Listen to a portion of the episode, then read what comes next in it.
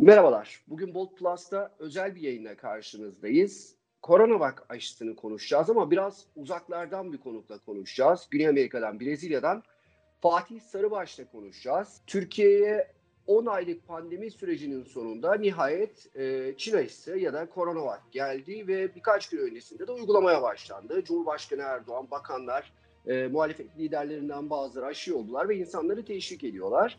Çünkü aşıya karşı bir güvensizlik var. Çin aşısı olması, geçmişte rüşvet vererek aşı onayı aldığı iddiaları yine bununla beraber başarı oranının %50'lerde kaldığına ilişkin e, bazı yapılan testler vesaire e, bu Çin aşısına olan güvensizliği ortaya koyuyor. Bu sebeple de zaten e, Türkiye'de aşıya insanları inandırmak, güvendirmek için bir kampanya yürütülüyor.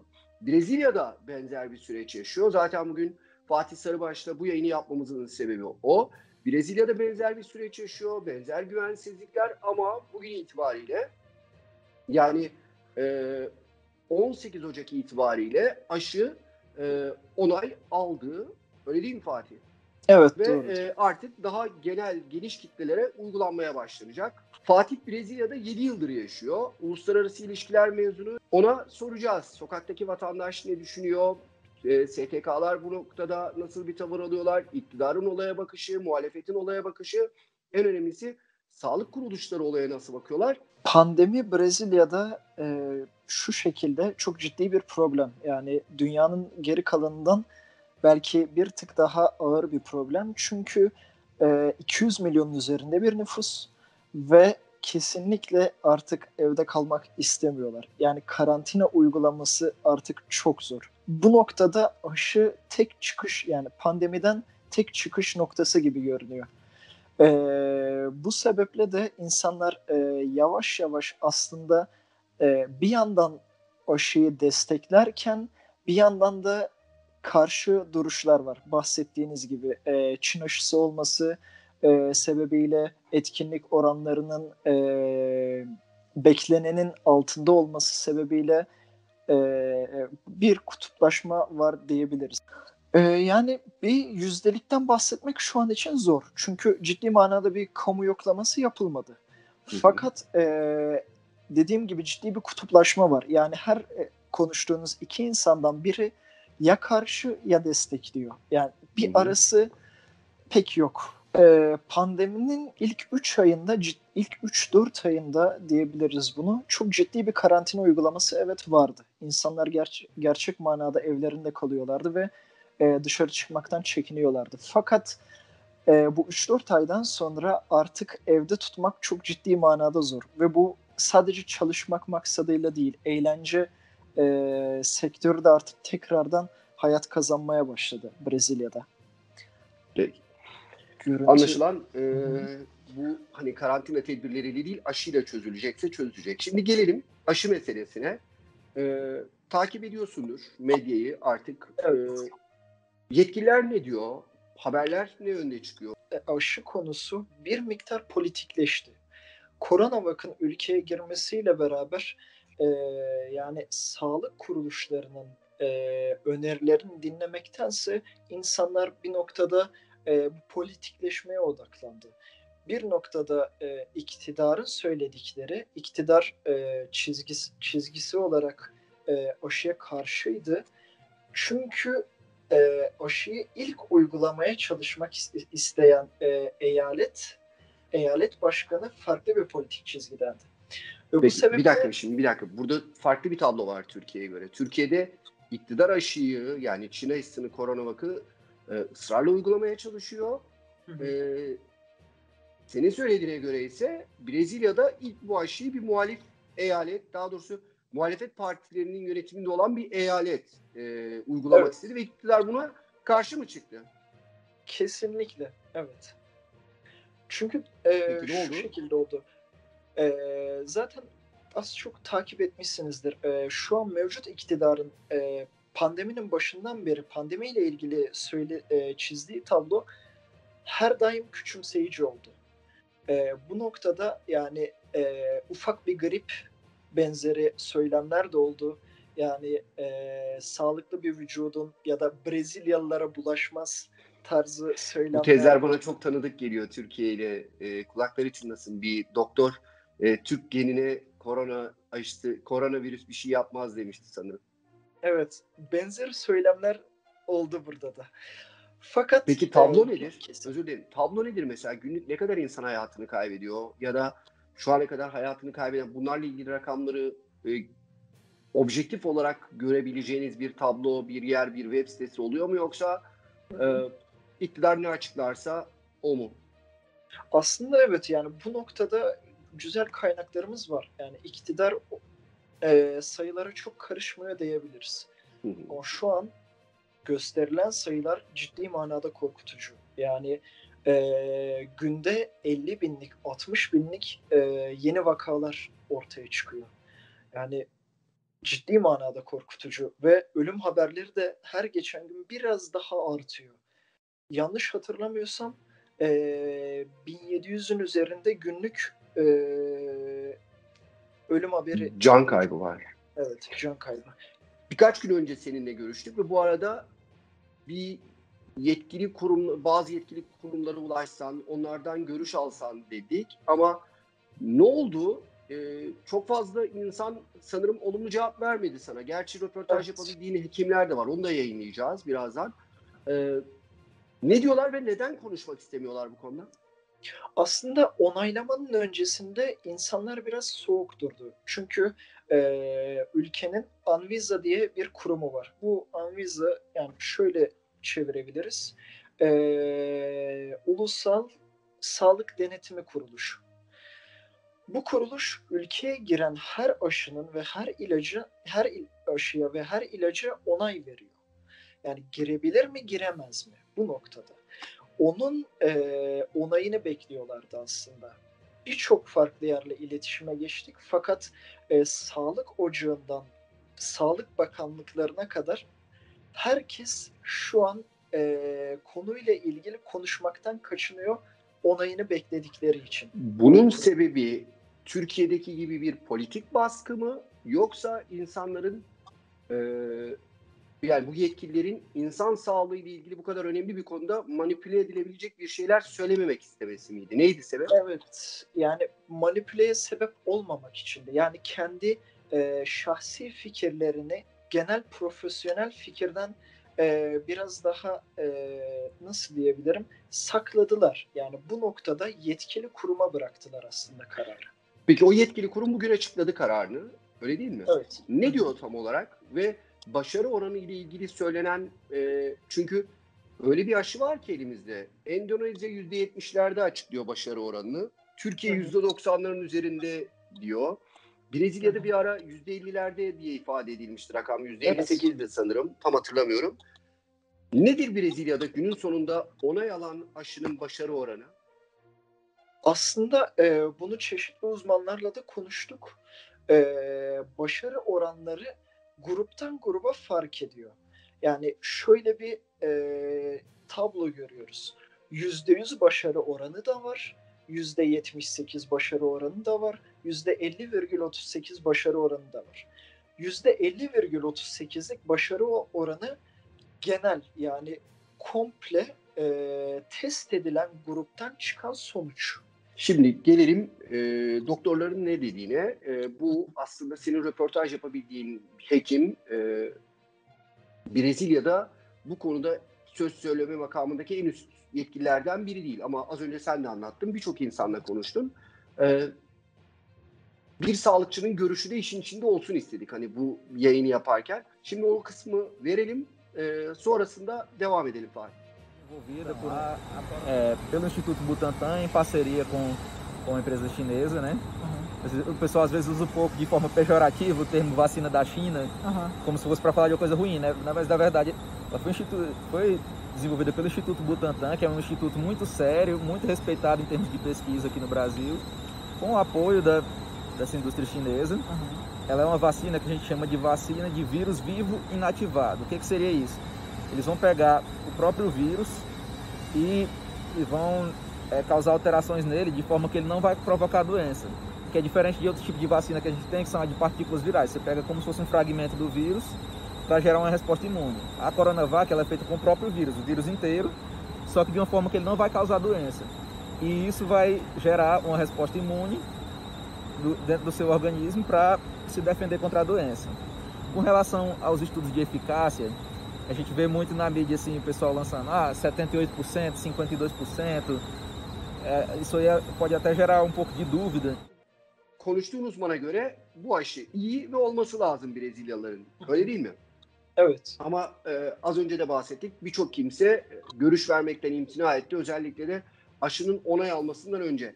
Belki de gerçek tablo bu e, onay alıp büyük kitlelere uygulandığında ortaya çıkacak. Yani gönüllülerden e, büyük kitlelere geçtiğinde gerçek rakamları, gerçek e, sonuçları görebileceğiz. Bunun için de bir süre beklememiz gerekiyor. Bu anlaşıldı. Peki onay almış aşı ile ilgili gazeteler ne yazdı bugün? En son olarak da vatandaşın ne dediğine ilişkin bir VTR'miz var. O da yine senin ve e, arkadaşının yaptığı röportajlar. Bunun için de teşekkür ediyorum sana. Onlarla bitireceğiz. Şu şekilde e, gazeteler şu an için e, politik çizgide bir açıklama yapmıyorlar. Ama e, kişiler e, farklı açıklamalar içinde. Mesela bilim kazandı diye manşetler ortaya çıktı. Diğer yandan e, yani aşı onaylandı diye manşetler çıktı. Geneli böyle politik olarak nötr çizgide.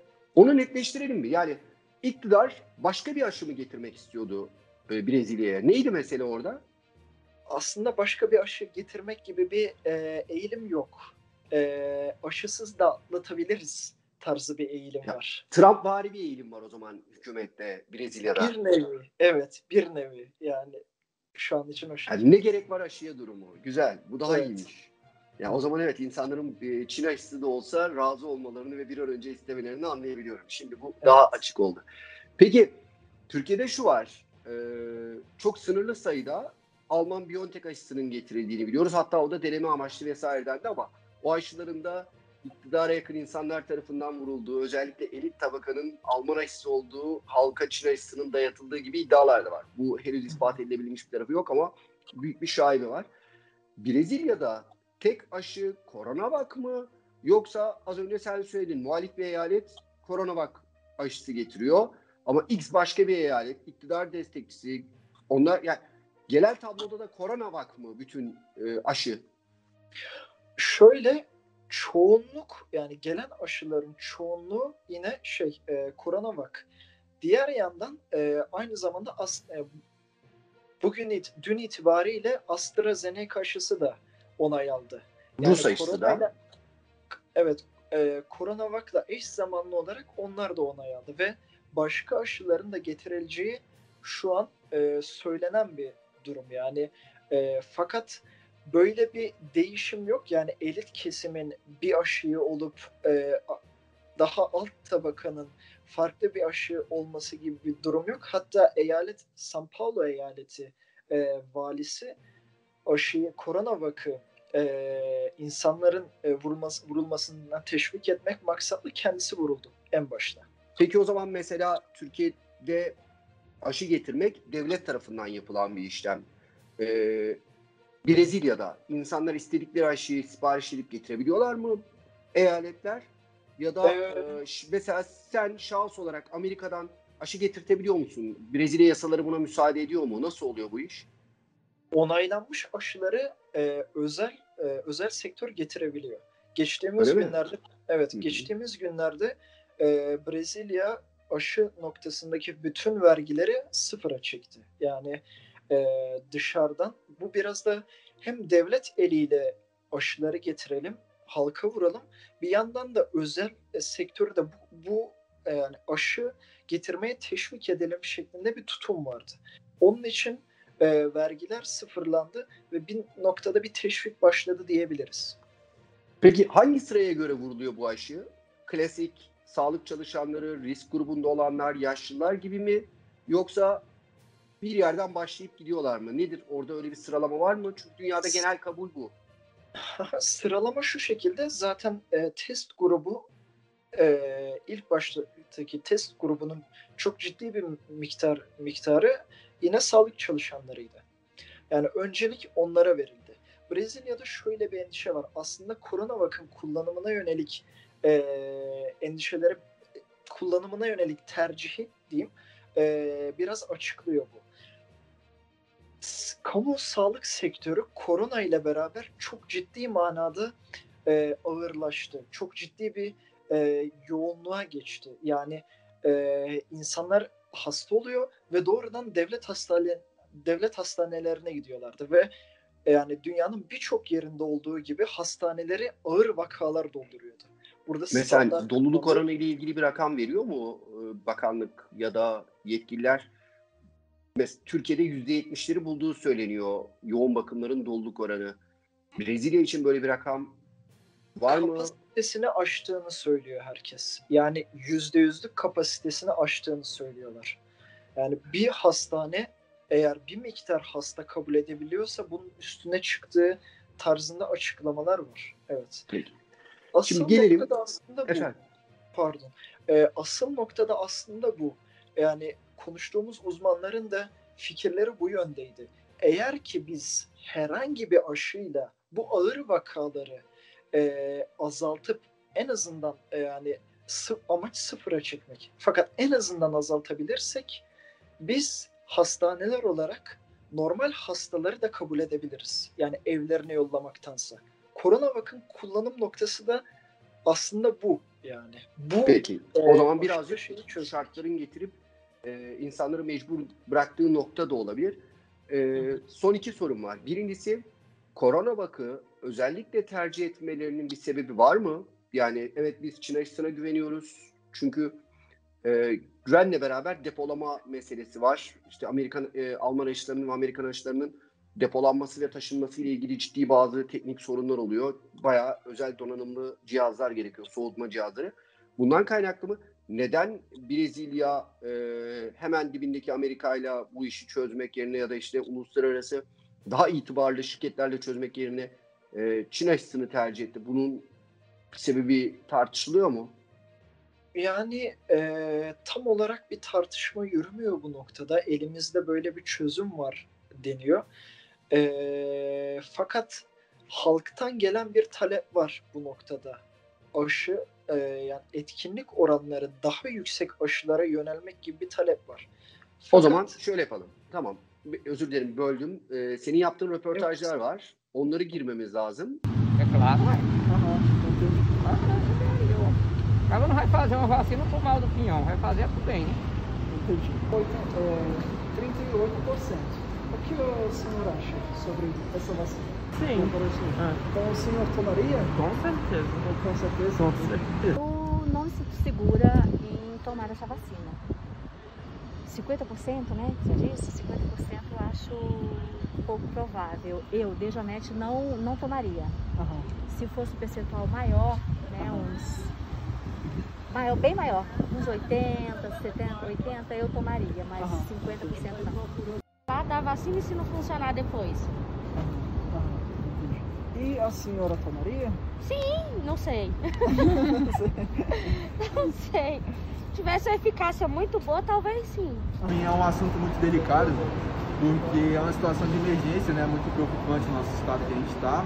Se o governo federal, o Instituto Butantan, os, os responsáveis comprassem pelo menos uns 5 mil doses das outras e fizessem um teste para ver qual seria melhor para a população em tudo. Só por 50%, aí você fica com 50% aí, né? Uhum. E eu receberia se ele dissesse assim, ó. É pelo menos 90%, porque 10% né, fica numa margem né, até é, viável. Mas 50% não varia não. É que nem eu falei anteriormente, é o começo. Nada vai começar 100%. Então a senhora receberia? A vacina? Sim, sem dúvida alguma. E, Fatih röportajları izledik. E, insanlarda genel olarak bir tedirginlik var ama aşı olacağını söyleyenler de var. E, senin görüşlerini de toparlayalım. E, sen genel havayı da bize e, tarif etmiş olursun. Böylece bitiririz. Şu şekilde e, söylediğim gibi aslında Brezilya'nın bu noktadaki tutumu biraz yangına e, su serpmek maksatlı. Çok ağır bir senaryo ka, senaryo ile karşı karşıya Brezilya. Bunu bir miktar hafifletebilmek için getirilmiş bir çözüm aslında. Anvisa'nın açıklamaları da bu yönde. e, biz bu aşıyı şu an için onaylıyoruz. Yani acil kullanımı için onaylıyoruz. Fakat uzun vadede neler getireceğini bilmiyoruz. Yani diyorlar ki evet ilk etapta etkili bir aşı. Fakat e, uzun vadeli bir bağışıklığa sebebiyet vermiyor. Bu böyle bir e, etkisi yok aşının. Dedikleri şey tam olarak bu. Onun için ilk etaptaki o acil e, aciliyeti gidermek maksatlı onaylanmış bir aşı. O zaman şöyle yapalım. Seni de haberin içerisine dahil edip sorayım. E, bu da son soru olsun bitirelim. Sen e, aşı olmayı düşünüyor musun? Uzmanlarla konuştuktan sonra evet ben düşünüyorum. Peki hala karar vermiş değilsin. Hayır maalesef tam olarak değil. Tamam. Evet herhalde bu da açıklayıcı olmuştur. Gerçi e, Fatih'in ısrarla altını çizdiği bir şey var. E, o da e, Brezilya'da vaka sayılarının arttığı ve şu anda alternatif bazı aşılarla ilgili de görüşmelerin devam ettiği ama e, hastanelerdeki doluluk oranı, salgının kontrolden çıkma riski ve ilk elde edilen bulgular ve yetkili kurumun da onay vermesi sebebiyle insanların aşı olmaya başladığı yönünde. Benim anladığım bu. E, öyle anlaşılıyor ki bu tartışma bir süre daha devam edecek ve büyük kitleler aşı olduktan sonra ortaya çıkacak yeni rakamlar e, aşının başarısına dair bize daha fazla şey söyleyecek. Çok teşekkürler. Fatih Sarıbaş'la Brezilya'dan Fatih Sarıbaş'la e, Coronavac aşısını konuştuk. Türkiye'de yakından ilgilendiriyor. Fatih Brezilya ile ilgili epey e, tecrübe sahibi birisi. 7 yıldır orada yaşayan bir uluslararası ilişkiler mezunu genç bir arkadaşımız. Çok teşekkürler. Kolay gelsin. Ee, belki başka konularla, daha iyi, daha güzel konularla futbol olur, başka şeyler olur. Ee, yeniden bağlantılar yapabiliriz. Ee, bence güzel olur. Tekrar teşekkürler. Ben çok teşekkür ederim. Görüşmek üzere.